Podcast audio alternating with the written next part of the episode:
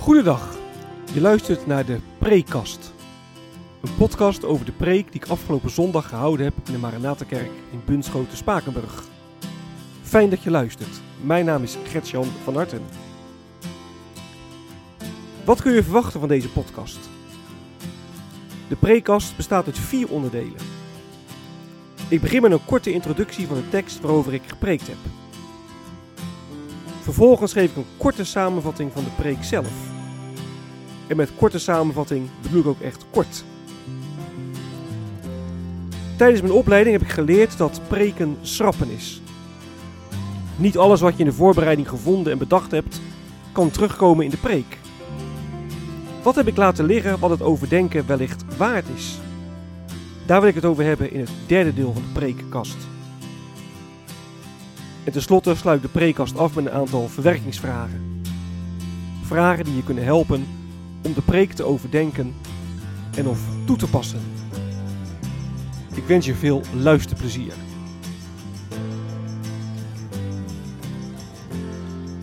De tekst.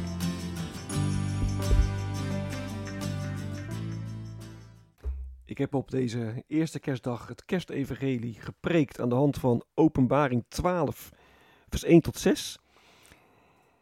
En daar wordt een visioen beschreven dat Johannes uh, op Patmos heeft. Hij ziet in de hemel een uh, indrukwekkend teken. Hij ziet een vrouw die bekleed is met de zon en met de maan onder haar voeten. Ze heeft een krans van twaalf sterren op haar hoofd. En die vrouw die is zwanger en die baart een kind. En dan ziet Johannes nog een tweede teken, een, een, een grote vuurrode draak. En die draak die wil dat kind dat de vrouw baart verslinden. En zegt vers 5, dat is een beetje ja, de kerntekst. Maar toen ze het kind gebaard had, een zoon die alle volken met een ijzeren herderstaf zal hoeden, werd hij dadelijk weggevoerd naar God en zijn troon. En dan sluit het gedeelte af met de mededeling dat de vrouw zelf naar de woestijn vlucht, waar God voor haar zorgde. De preek.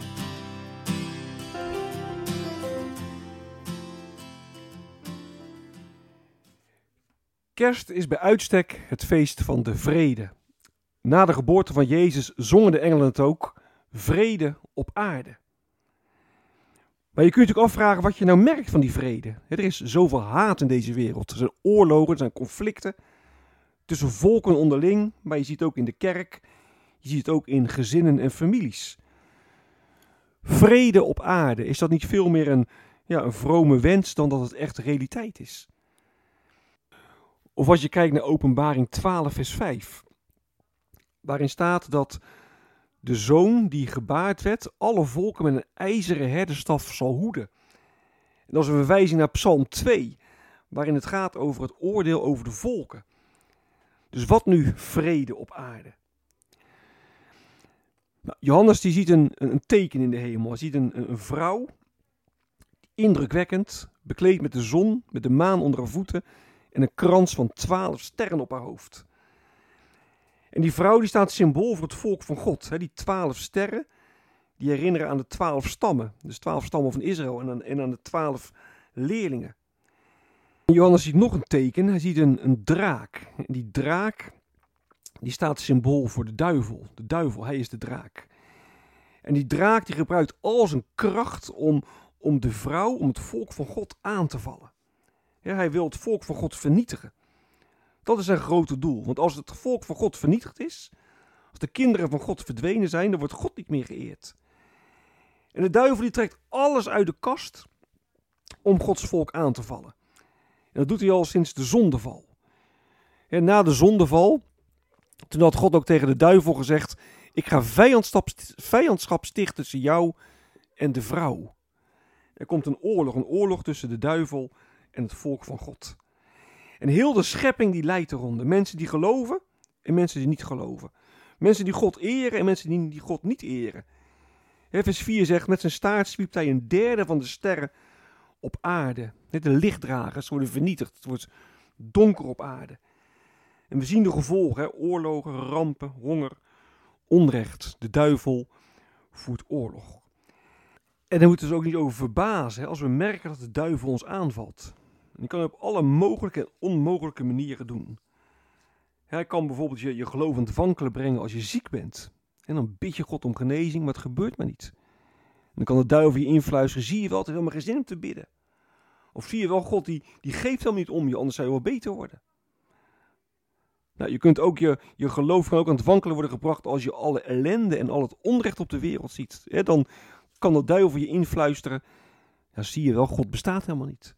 En zo kun je losgeweekt worden van God. De duivel die voert oorlog, oorlog tegen het volk van God. Verbaas je er niet over. Ja, en dan komen we bij het evangelie van kerst. God zelf kwam in Jezus Christus naar deze aarde toe. Kerst, de geboorte van Jezus, is Gods antwoord op de oorlog die de duivel voert. En God had tegen de duivel al gezegd na de zondeval: ik, uh, er zal iemand komen die jouw kop, die jou de kop verbrijzelt. Uh, iemand gaat jou een kopje kleiner maken. Je wordt verslagen. En dat blijkt dus eeuwen later Jezus Christus te zijn. Hij is het kind waar openbaring 12 het over heeft. En de duivel wil dat verhinderen. Hij wil verhinderen dat Jezus geboren wordt. Hè? De draak staat klaar om het kind dat de vrouw baart te verslinden. Maar dat lukt hem niet. Nee, het tegenovergestelde gebeurt. Hè? De draak wil het kind verslinden. Maar wat we zien is dat het kind de draak verslaat. Onvoorstelbaar. Dat kleine kindje in de voerbak. Dat kwetsbare babytje die helemaal afhankelijk was van de zorg van Jozef en Maria. En daartegenover de draak met zijn zeven koppen en zijn tien horens en zijn kronen. Sterk, agressief, vol haat. Die draak die wordt verslagen door het kind. Even kijk je niet op dat kwetsbare kind. Vers 5 zegt dat hij zal hoeden met een ijzeren herderstaf. He, dat kind dat geboren werd met kerst, hij verbreekt alle macht die zich tegen God verzet. Hij breekt de macht van de duivel. En dat deed hij op Golgotha toen hij zijn leven gaf voor zondaars. Daar heeft Jezus de vrede hersteld, de vrede tussen God en mens. Want met zijn sterven heeft Jezus de duivel het recht ontnomen om de kinderen van God aan te klagen. het is volbracht, schreeuwde Jezus vlak voordat hij stierf. En daarom ging Jezus na zijn opstanding ook terug naar de hemel en daar werd hij glorieus onthaald. Het slot van vers 5 zegt: hij werd dadelijk weggevoerd naar God en zijn troon. Johannes noemt de geboorte en de hemelvaart als het ware in één adem. Kerst loopt uit op de hemelvaart. De hemelvaart is de kroon op het verlossingswerk van Jezus. En in de hemel bereidt Jezus de wederkomst voor. Dan is er vrede, shalom, volmaakte harmonie tussen God en mens. En ook tussen mensen onderling. Nou, daar is nu nog weinig van te zien dat is niet zo gek, want vers 6 zegt de vrouw, de kerk, het volk van God, vluchtte naar de woestijn. En de woestijn die heeft een symbolische betekenis. Israël was, had rondgetrokken in de woestijn naar de uittocht. En in de woestijn hadden ze geleerd om, om echt, hadden ze geleerd dat ze echt volledig afhankelijk waren van God. Als God geen man aan kwakkels gegeven had, en dan waren ze gestorven. En de woestijn is ook de tijd van de verwachting. We zijn op weg naar het beloofde land. Wanneer komen we daar nu aan? Nou, de kerk is in de woestijn. We zijn afhankelijk van Gods zorg. Onderweg, vol verwachting, naar de wederkomst. We leven in de tijd van de verwachting. Het eeuwige vrederijk komt. De wapens zullen dan voorgoed zwijgen. Er is geen onrecht meer. Vrede op aarde. Maar kerst betekent niet dat iedereen in vrede met God leeft. openbaring 12, vers 5 zegt: dat het kind dat geboren werd alle volken zal hoeden met een ijzeren herderstaf. En daarmee verwijst um, openbaring naar Psalm 2. En Psalm 2 zegt, iedereen die zich tegen God verzet, die zal worden verpletterd. En iedereen die zich niet met God wil laten verzoenen, die zal stuk geslagen worden als een, als een aardepot. En ook het Nieuwe Testament zegt, hè, als je Jezus verwerpt, dan val je onder het oordeel. Als je echt kiest voor een, voor een leven zonder God, dan, ja, dan geeft God je aan je keuze over. En kerst is dus geen zoetsappige boodschap hè, van een kindje in de kribbe, vrede op aarde. Nee, kerst doet een appel op je. Wie is Jezus voor je? Kies je voor of tegen het kind van Bethlehem? En dan kan ik me voorstellen dat je denkt, ja, dat is eerder een, een, een dreigende dan een, dan een blijde boodschap. Daarom is het goed om nog eens naar het slot van Psalm 2 te kijken. Want Psalm 2 zegt: Gelukkig wie schuilen bij de zoon. He, bewijs eer aan de zoon met een kus. je mag je overgeven, overgeven aan de zoon, overgeven aan de zoon van God, overgeven aan Jezus Christus. Dan ben je gelukkig, dan ben je veilig, dan kun je blij en opgelucht zijn. Want dan leef je onder Gods bescherming. En dan deel je in Gods liefde, dan ben je een, een kind van Hem. En dat is zo'n geweldige boodschap. Jezus kwam, het is kerst geweest. Daarin mag je echt Gods genade zien. Gods liefde. Je mag de Zoon van God zien die kwam om, om vrede te brengen. En vrede die wij zo nodig hebben. Vrede waar we zo zo, zo naar kunnen verlangen. En die vrede wordt gratis en voor niets gegeven. En dat maakt van kerst echt volop een blijde boodschap. Geen sombere boodschap. Geen dreigende boodschap. Maar een blijde boodschap. God in de hoge alleen zijn eer.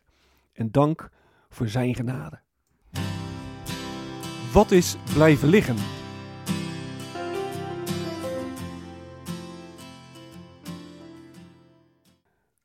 Het boek Openbaring is een zogenaamd apocalyptisch boek. Een boek uh, vol symboliek. En dat maakt het voor ons wel lastig om dit boek uh, te lezen, want wij zijn niet zo gewend om dit soort literatuur te lezen. Het is ook vaak uh, niet helemaal duidelijk hè, wat wordt nou precies bedoeld met die symboliek. Nou, ik heb in de preek vooral uh, geconcentreerd op vers 5 uiteraard, omdat het kerst is, omdat het gaat om de geboorte van Jezus. Maar als je naar het heel gedeelte kijkt, vers 1 tot en met 6, dan zijn natuurlijk best de nodige vragen nog wel te stellen. En de eerste vraag is, wie is nou die vrouw waar het over gaat?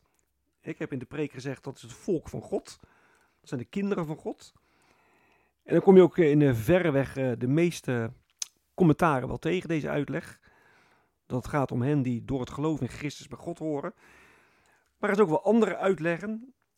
Um, er zijn mensen die zeggen, nee, het gaat hier om uh, Maria. Maria, de, de, de moeder van Jezus. Weer anderen zeggen, het gaat hier om, om Israël. Het gaat hier om het Joodse volk. Anderen zeggen weer, het gaat hier om, om de Nieuw-Testamentische gemeente. Zijn ook commentaren die zeggen, het gaat om de Heilige Geest. De Heilige Geest is de vrouw van God. Nou, het gaat me nu even niet om, om al die uh, mogelijkheden uh, te bespreken met alle pro's en contra's, maar om even aan te geven dat ook daar wel verschillend over uh, gedacht wordt. Nou, je zou ook nog extra, extra aandacht kunnen besteden aan vers 6, hè, aan de, de woestijn. Die woestijntijd, ik heb gezegd dat herinnert aan de, de, de tijd na de uittochten uit Egypte.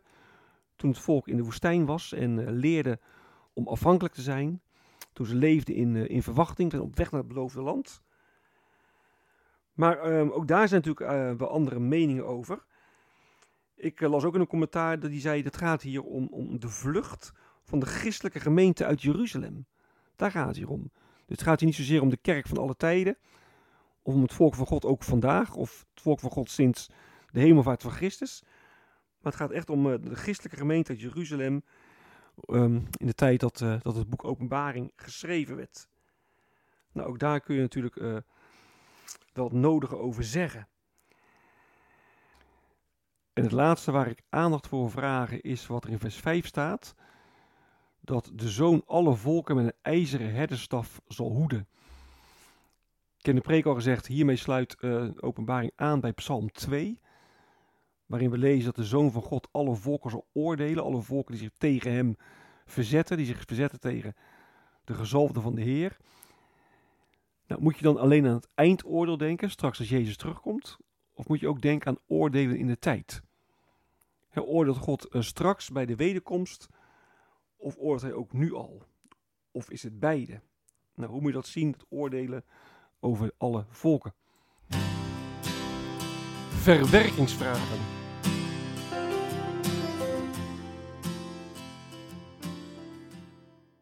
Ik heb dit keer een uh, drietal vragen.